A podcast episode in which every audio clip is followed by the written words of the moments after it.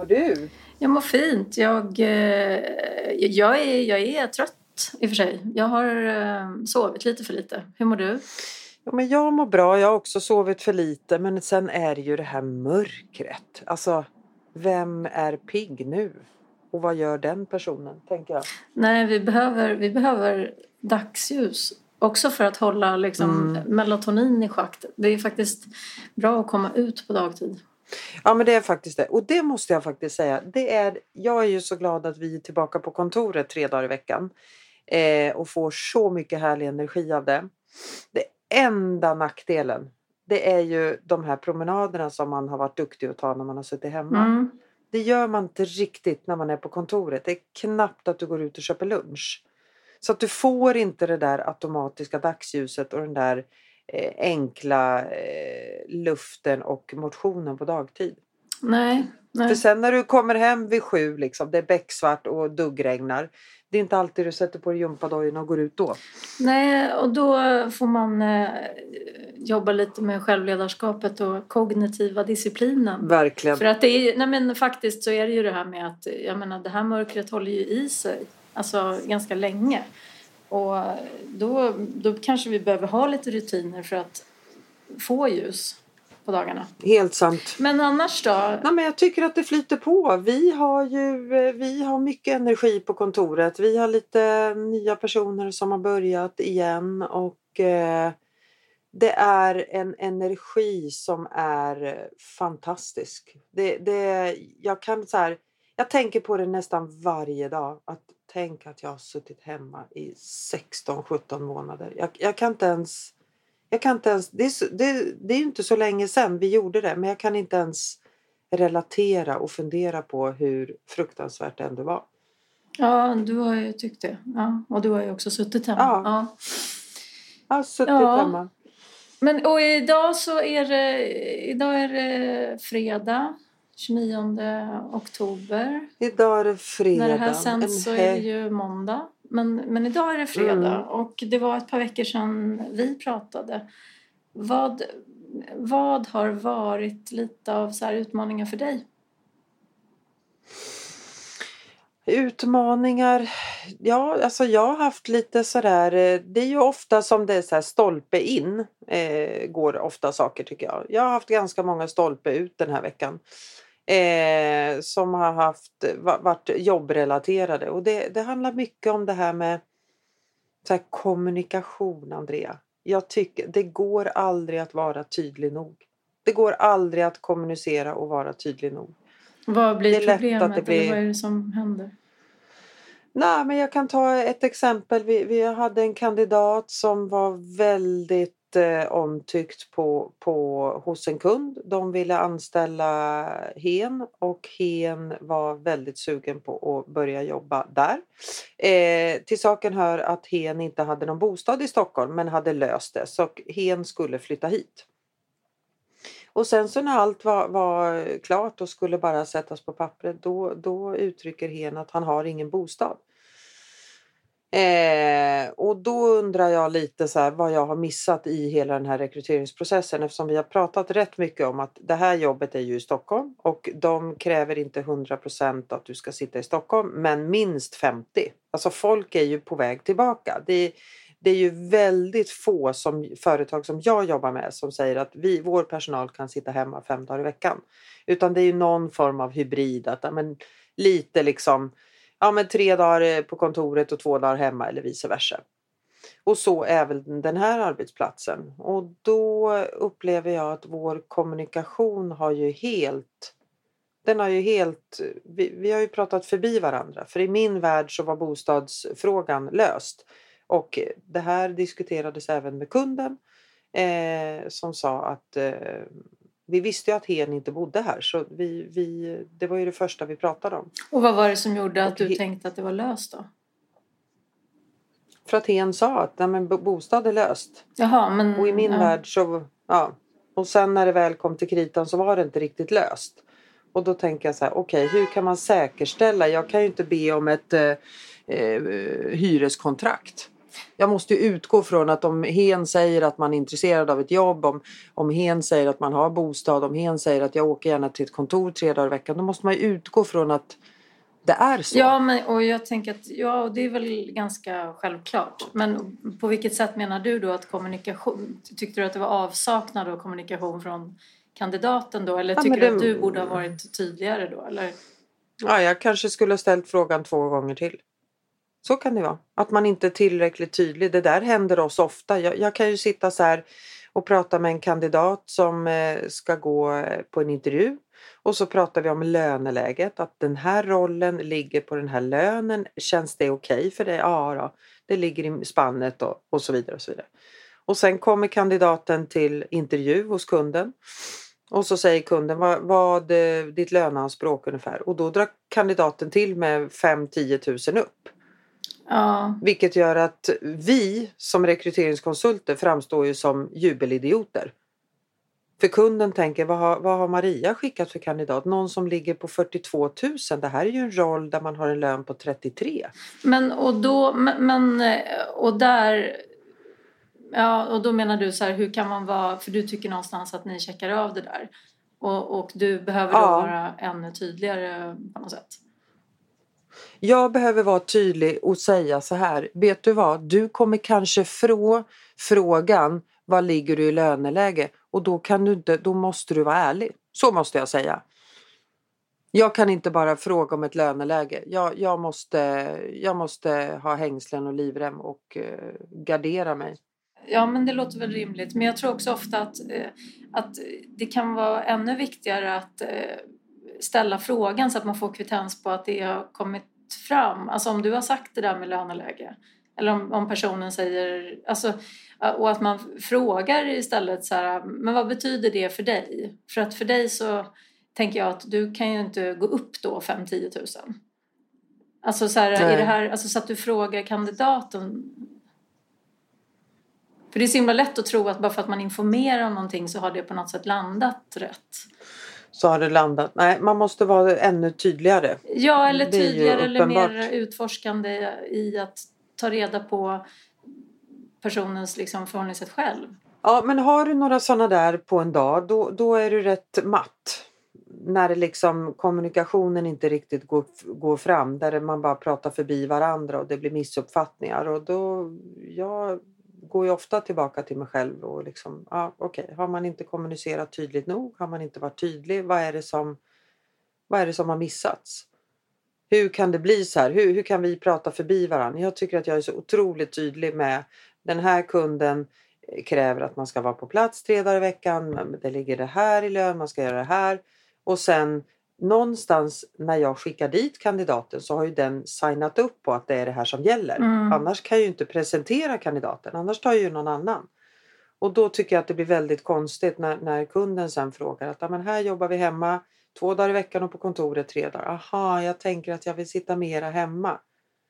Det händer ju också. Och då, där blir det ju miss i kommunikationen någonstans. Ja, eller också att jag tänker att många vill ju hålla så mycket möjligheter öppna så länge som möjligt. Och ingenting är klart Mm. förrän man på något sätt har skrivit på. Och då är det ju lätt att, om man, man sitter i tre olika processer eller eh, då är det ju lätt att säga ja och så här, ja det där löser sig sen. Om jag kommer ta, Mm. alltså mm.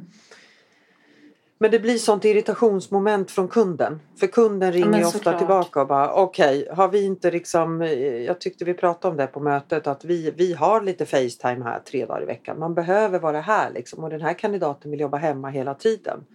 Nu har jag suttit i intervju med Hen i en och en halv timme. Ganska onödig intervju eftersom Hen inte vill jobba på kontoret. Förstår Mm. du? Det uppstår liksom sån irritation och jag förstår det. Ja, men absolut. Ja, men såklart. Men det här med kommunikation, det, alltså det här hur saker landar hos en person och hur man, hur man själv, alltså att, att det kan vara så olika. Alltså så här, man tänker Ja. att någonting betyder någonting för den andra för att det betyder det för en själv. Eh, Mm. Men att det, vi tolkar ju så olika. Alltså, och där blir Ja, det det ju väldigt lätt eh, eh, missförstånd. Och också det här med att eh, hur ofta är det inte så att, eh, att man triggar liksom mest ett försvar hos den andra. Så att det inte ens är att man man kommer inte vidare och pratar om rätt saker. Därför att man, man känner sig istället attackerad. Liksom. Och så blir, så blir det två försvarslägen som pratar. Men du har väl också jobbat mycket med kommunikation den här veckan? Har inte du suttit i utbildningar? Jo, det, jo, det har jag gjort. Eh, jo, absolut. Men oj, gud, jag jobbar ju med kommunikation hela tiden. Och eh, mm. jag kan tycka att det är ju väldigt mycket enklare i sitt jobb än vad det är privat. Apropå det här med att hamna i försvarslägen. Berätta. Ja, men alltså att, att eh, man, kan ju, man kan ju... I jobbet så kan man ju prata om ganska svåra saker och, eh, och liksom behålla en distans till hela tiden det som det pratas om. Alltså man har det här perspektivet att man kan titta på sig själv och bara typ så här, åh intressant, vad hände nu? Nu blev jag lite tryggare, nu kände jag sådär. Eller, och så, men, att, men att man snabbt får en distans så att det inte kostar för mycket energi för att man typ går in i värsta affektpåslaget liksom. Utan man kan mer observera sig själv. Eh, mm. Och, och det tycker jag, så här, jobbet funkar ju sånt väldigt bra. Privat så är det ju någonting annat. Och där kan det ju vara så väldigt olika. Kan jag fascineras över. Och, och just att jag får så mycket bekräftat det också när jag träffar människor. Eh, utbildningar och sådär också. Men att just eh, många känner liksom inte riktigt igen sig själva i sina typ privatrelationer till exempel eller familj, ja sådär, med barnen. Att man har helt andra reaktionsmönster än vad man har eh, i sitt jobb. Men du, det tänker jag så här, det där är ju jätteintressant. Men jag tänker så här, är det, det är väl inte jättekonstigt att man har det? Nej, absolut Eller? inte. Det är ju, till att börja med så är vi ju trygga, i, trygga på ett annat sätt i kanske nära relationer ah. med våra barn och sådär. Men, men sen också att eh, det har ju också med anknytning att göra och sådär. Jag menar de som vi har nära relationer med, de knyter vi an till på ett annat sätt och då aktiveras ju någonting annat hos oss. Så det, mm. det, och samma sak med, ja, med ens barn till exempel så, så försvar så har man ju en instinkt att försvara och skydda. Och då är det ju liksom mm. ett ganska enkelt, alltså ofta, vi reagerar ju ofta med irritation eller ilska snabbare till exempel. Och, och det handlar ju ofta om att, eh, om att skydda eller sätta gränser eller eh, alltså sådär. Men också att man har liksom helt andra känslor för den personen. Ja, det är det jag menar. Absolut. Ha... Ja, ja, visst. Absolut. Mm. Och det tycker jag är intressant, just det där med att eh, hur olika det kan vara för en och samma individ med olika situationer. Mm. Att det är så. Ja, det är faktiskt intressant. Men det här med tydlighet och kommunikation, det kan man aldrig... Man kan aldrig bli tillräckligt bra på det tror jag. Ja, men tillräckligt bra får man väl säga att man kan vara. Ja, till, ja tillräckligt kanske. Men jag, jag uppfattar ju mig själv som väldigt tydlig i saker. Men jag blir ju missuppfattad. Och det kan vara både jobb och privat.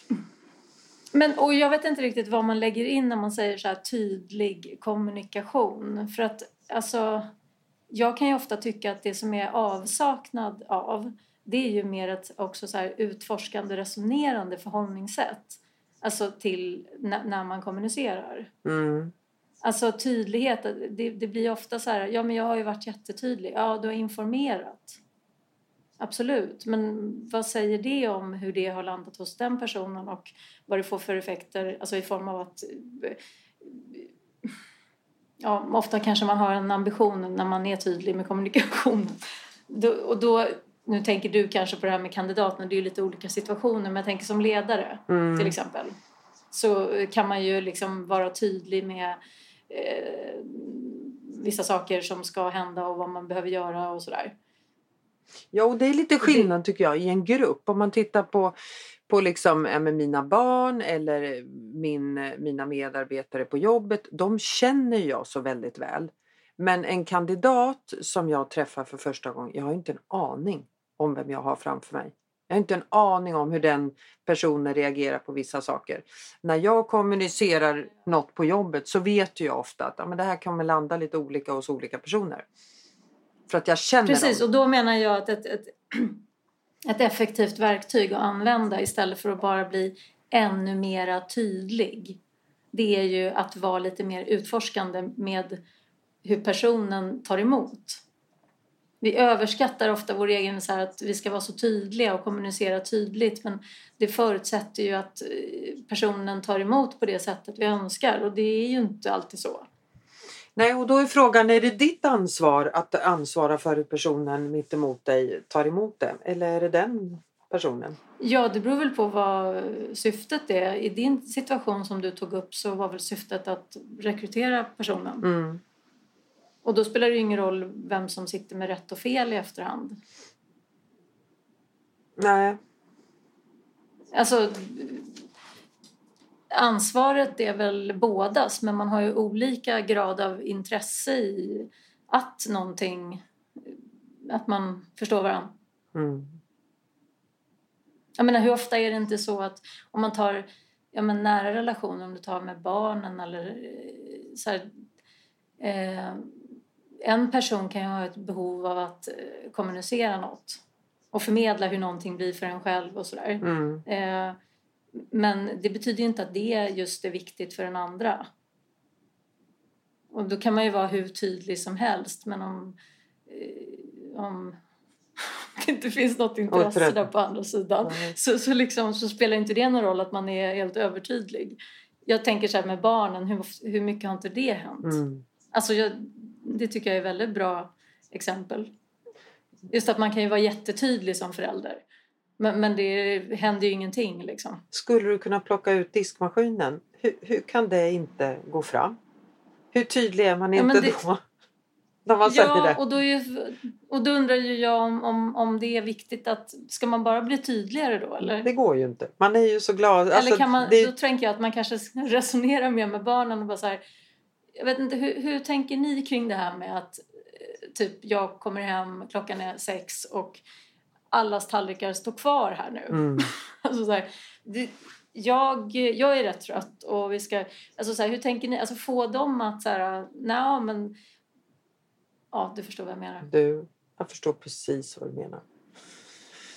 Det där är ju ens vardag. Så är det ju. Det där eh, Ja, jobbar vi rätt hårt med i fami- eh, familjeföretaget Bergholtz AB. Att man plockar undan ja gud vad mycket, vad mycket familjeföretag man har drivit. Ja, men eller hur?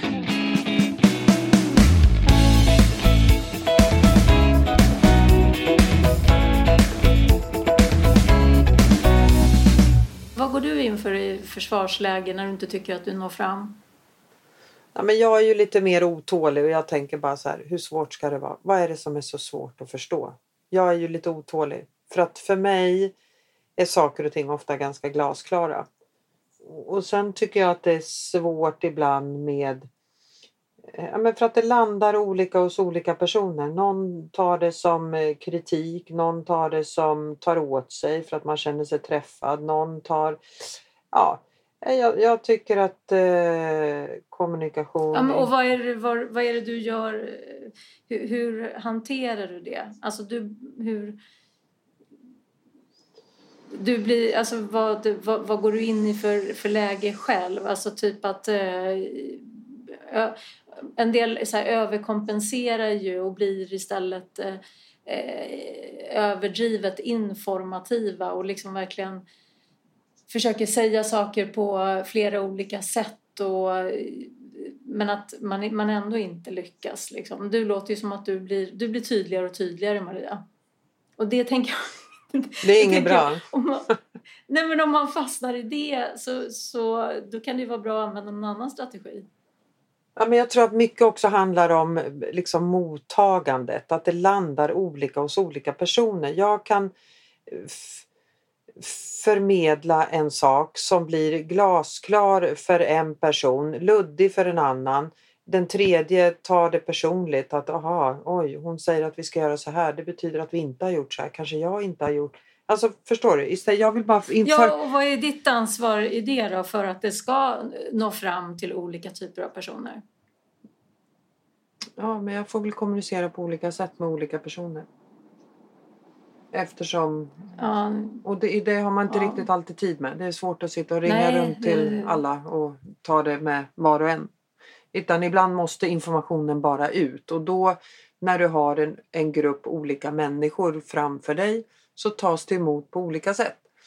Eh, det är ju som en tränare för ett fotbollslag som ska informera om vilka som ska bli uttagna till nästa match eller vad det nu kan vara. Det landar ju olika hos olika och det låter ju skitjobbigt. Man kan ju inte sitta och, och eh, ha enskilda möten med varje information som ska... Nej, det går ju inte. Det jobbigt. Men, men jag tänkte på om man vänder på det med, med dig själv då. Alltså hur behöver du att, att någonting kommuniceras? Om det är viktigt. Ja, men jag, kan, jag kanske också måste fundera innan jag kommunicerar så måste jag fundera att det här kan landa. För att ofta blir jag rätt överrumplad. Förstår du? Jag blir rätt överrumplad av att eh, Jaha, du tänkte så. Alltså, ja, det, nej, det var inte alls menat så. Jag blir rätt förvånad över att för jag har inte sett det komma. Förstår du? Så att jag kanske behöver fundera lite innan jag går ut med en information. Okej, hur kommer det här tas emot? Hur kommer den här personen? Men det är väl också lite tidsbrist. Det är jävligt svårt att sitta och fundera på hur alla ska reagera när man ska säga något. Jag tänker så här att vi lyssnar ju ofta på det som sägs. Mm. Alltså typ så här, ja, man eh, pratar om någonting som behöver lösas. Ja. Och sen så kommer det invändningar Mm. ja, mot det. Ja, då är det ju lätt att man, liksom, man tar in det som sägs. Och liksom, eh, men, men egentligen så är det, finns det ju ett behov där bakom som handlar om någonting annat. Ja. Till exempel, behovet kan ju vara att så här, jag behöver, att alltså man behöver bli mer motiverad till varför. Man behöver förstå helheten i det. Man behöver, men det, blir, det kommer ut som ett ifrågasättande.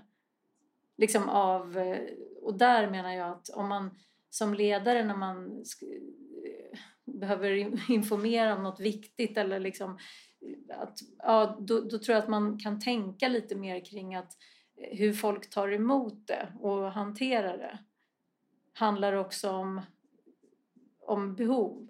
Mm. Att eh, det är lätt att bli, vara kritisk och ifrågasättande fast det handlar egentligen om någonting annat. Och då hamnar man ju lätt i att man börjar diskutera sakfrågan om, om att eh, någonting är en bra idé eller en dålig idé. Eller att, eh, alltså, fast att det egentligen inte är det det handlar om. Nej. Vi reagerar ju med våra ofta försvar. Om man känner sig, det kan ju vara att man eh, känner sig fullbelagd redan som det är och så kommer det krav från Maria Bergholtz. Liksom. Mm. Och då reagerar man med att, eh, att ett behov av att sätta gränser för sig själv och så kommer det utifrån i form av att man ifrågasätter massa saker. Mm. Och då blir det så dumt om man går igång som ledare på det som på sakfrågan istället för att titta på så här, okej, men vad handlar det här behovet om? Ja, att det är uttryck för något annat tänker du? Det är uttryck för någonting annat Mm. ofta. Det är ofta att vi behöver olika saker för att kunna ta till oss och kunna göra det till vårt eget och kunna agera på Mm. det. Men som ledare så är det lätt att man tycker att men jag har ju varit jättetydlig med kommunikationen och vi har ju pratat om det här. Bara så, ja, absolut. Men liksom har du en, en grupp där 50 procent hamnar i, i försvar av andras anledningar, typ att man har redan mycket att göra, man kan inte ens ta in. Eh, Så man kan inte ens börja tänka på hur man ska börja prioritera i så fall. Och, alltså så. Nej, jag fattar. Du, jag är lite sugen på att höra lite. Kan du berätta något om din utbildning här?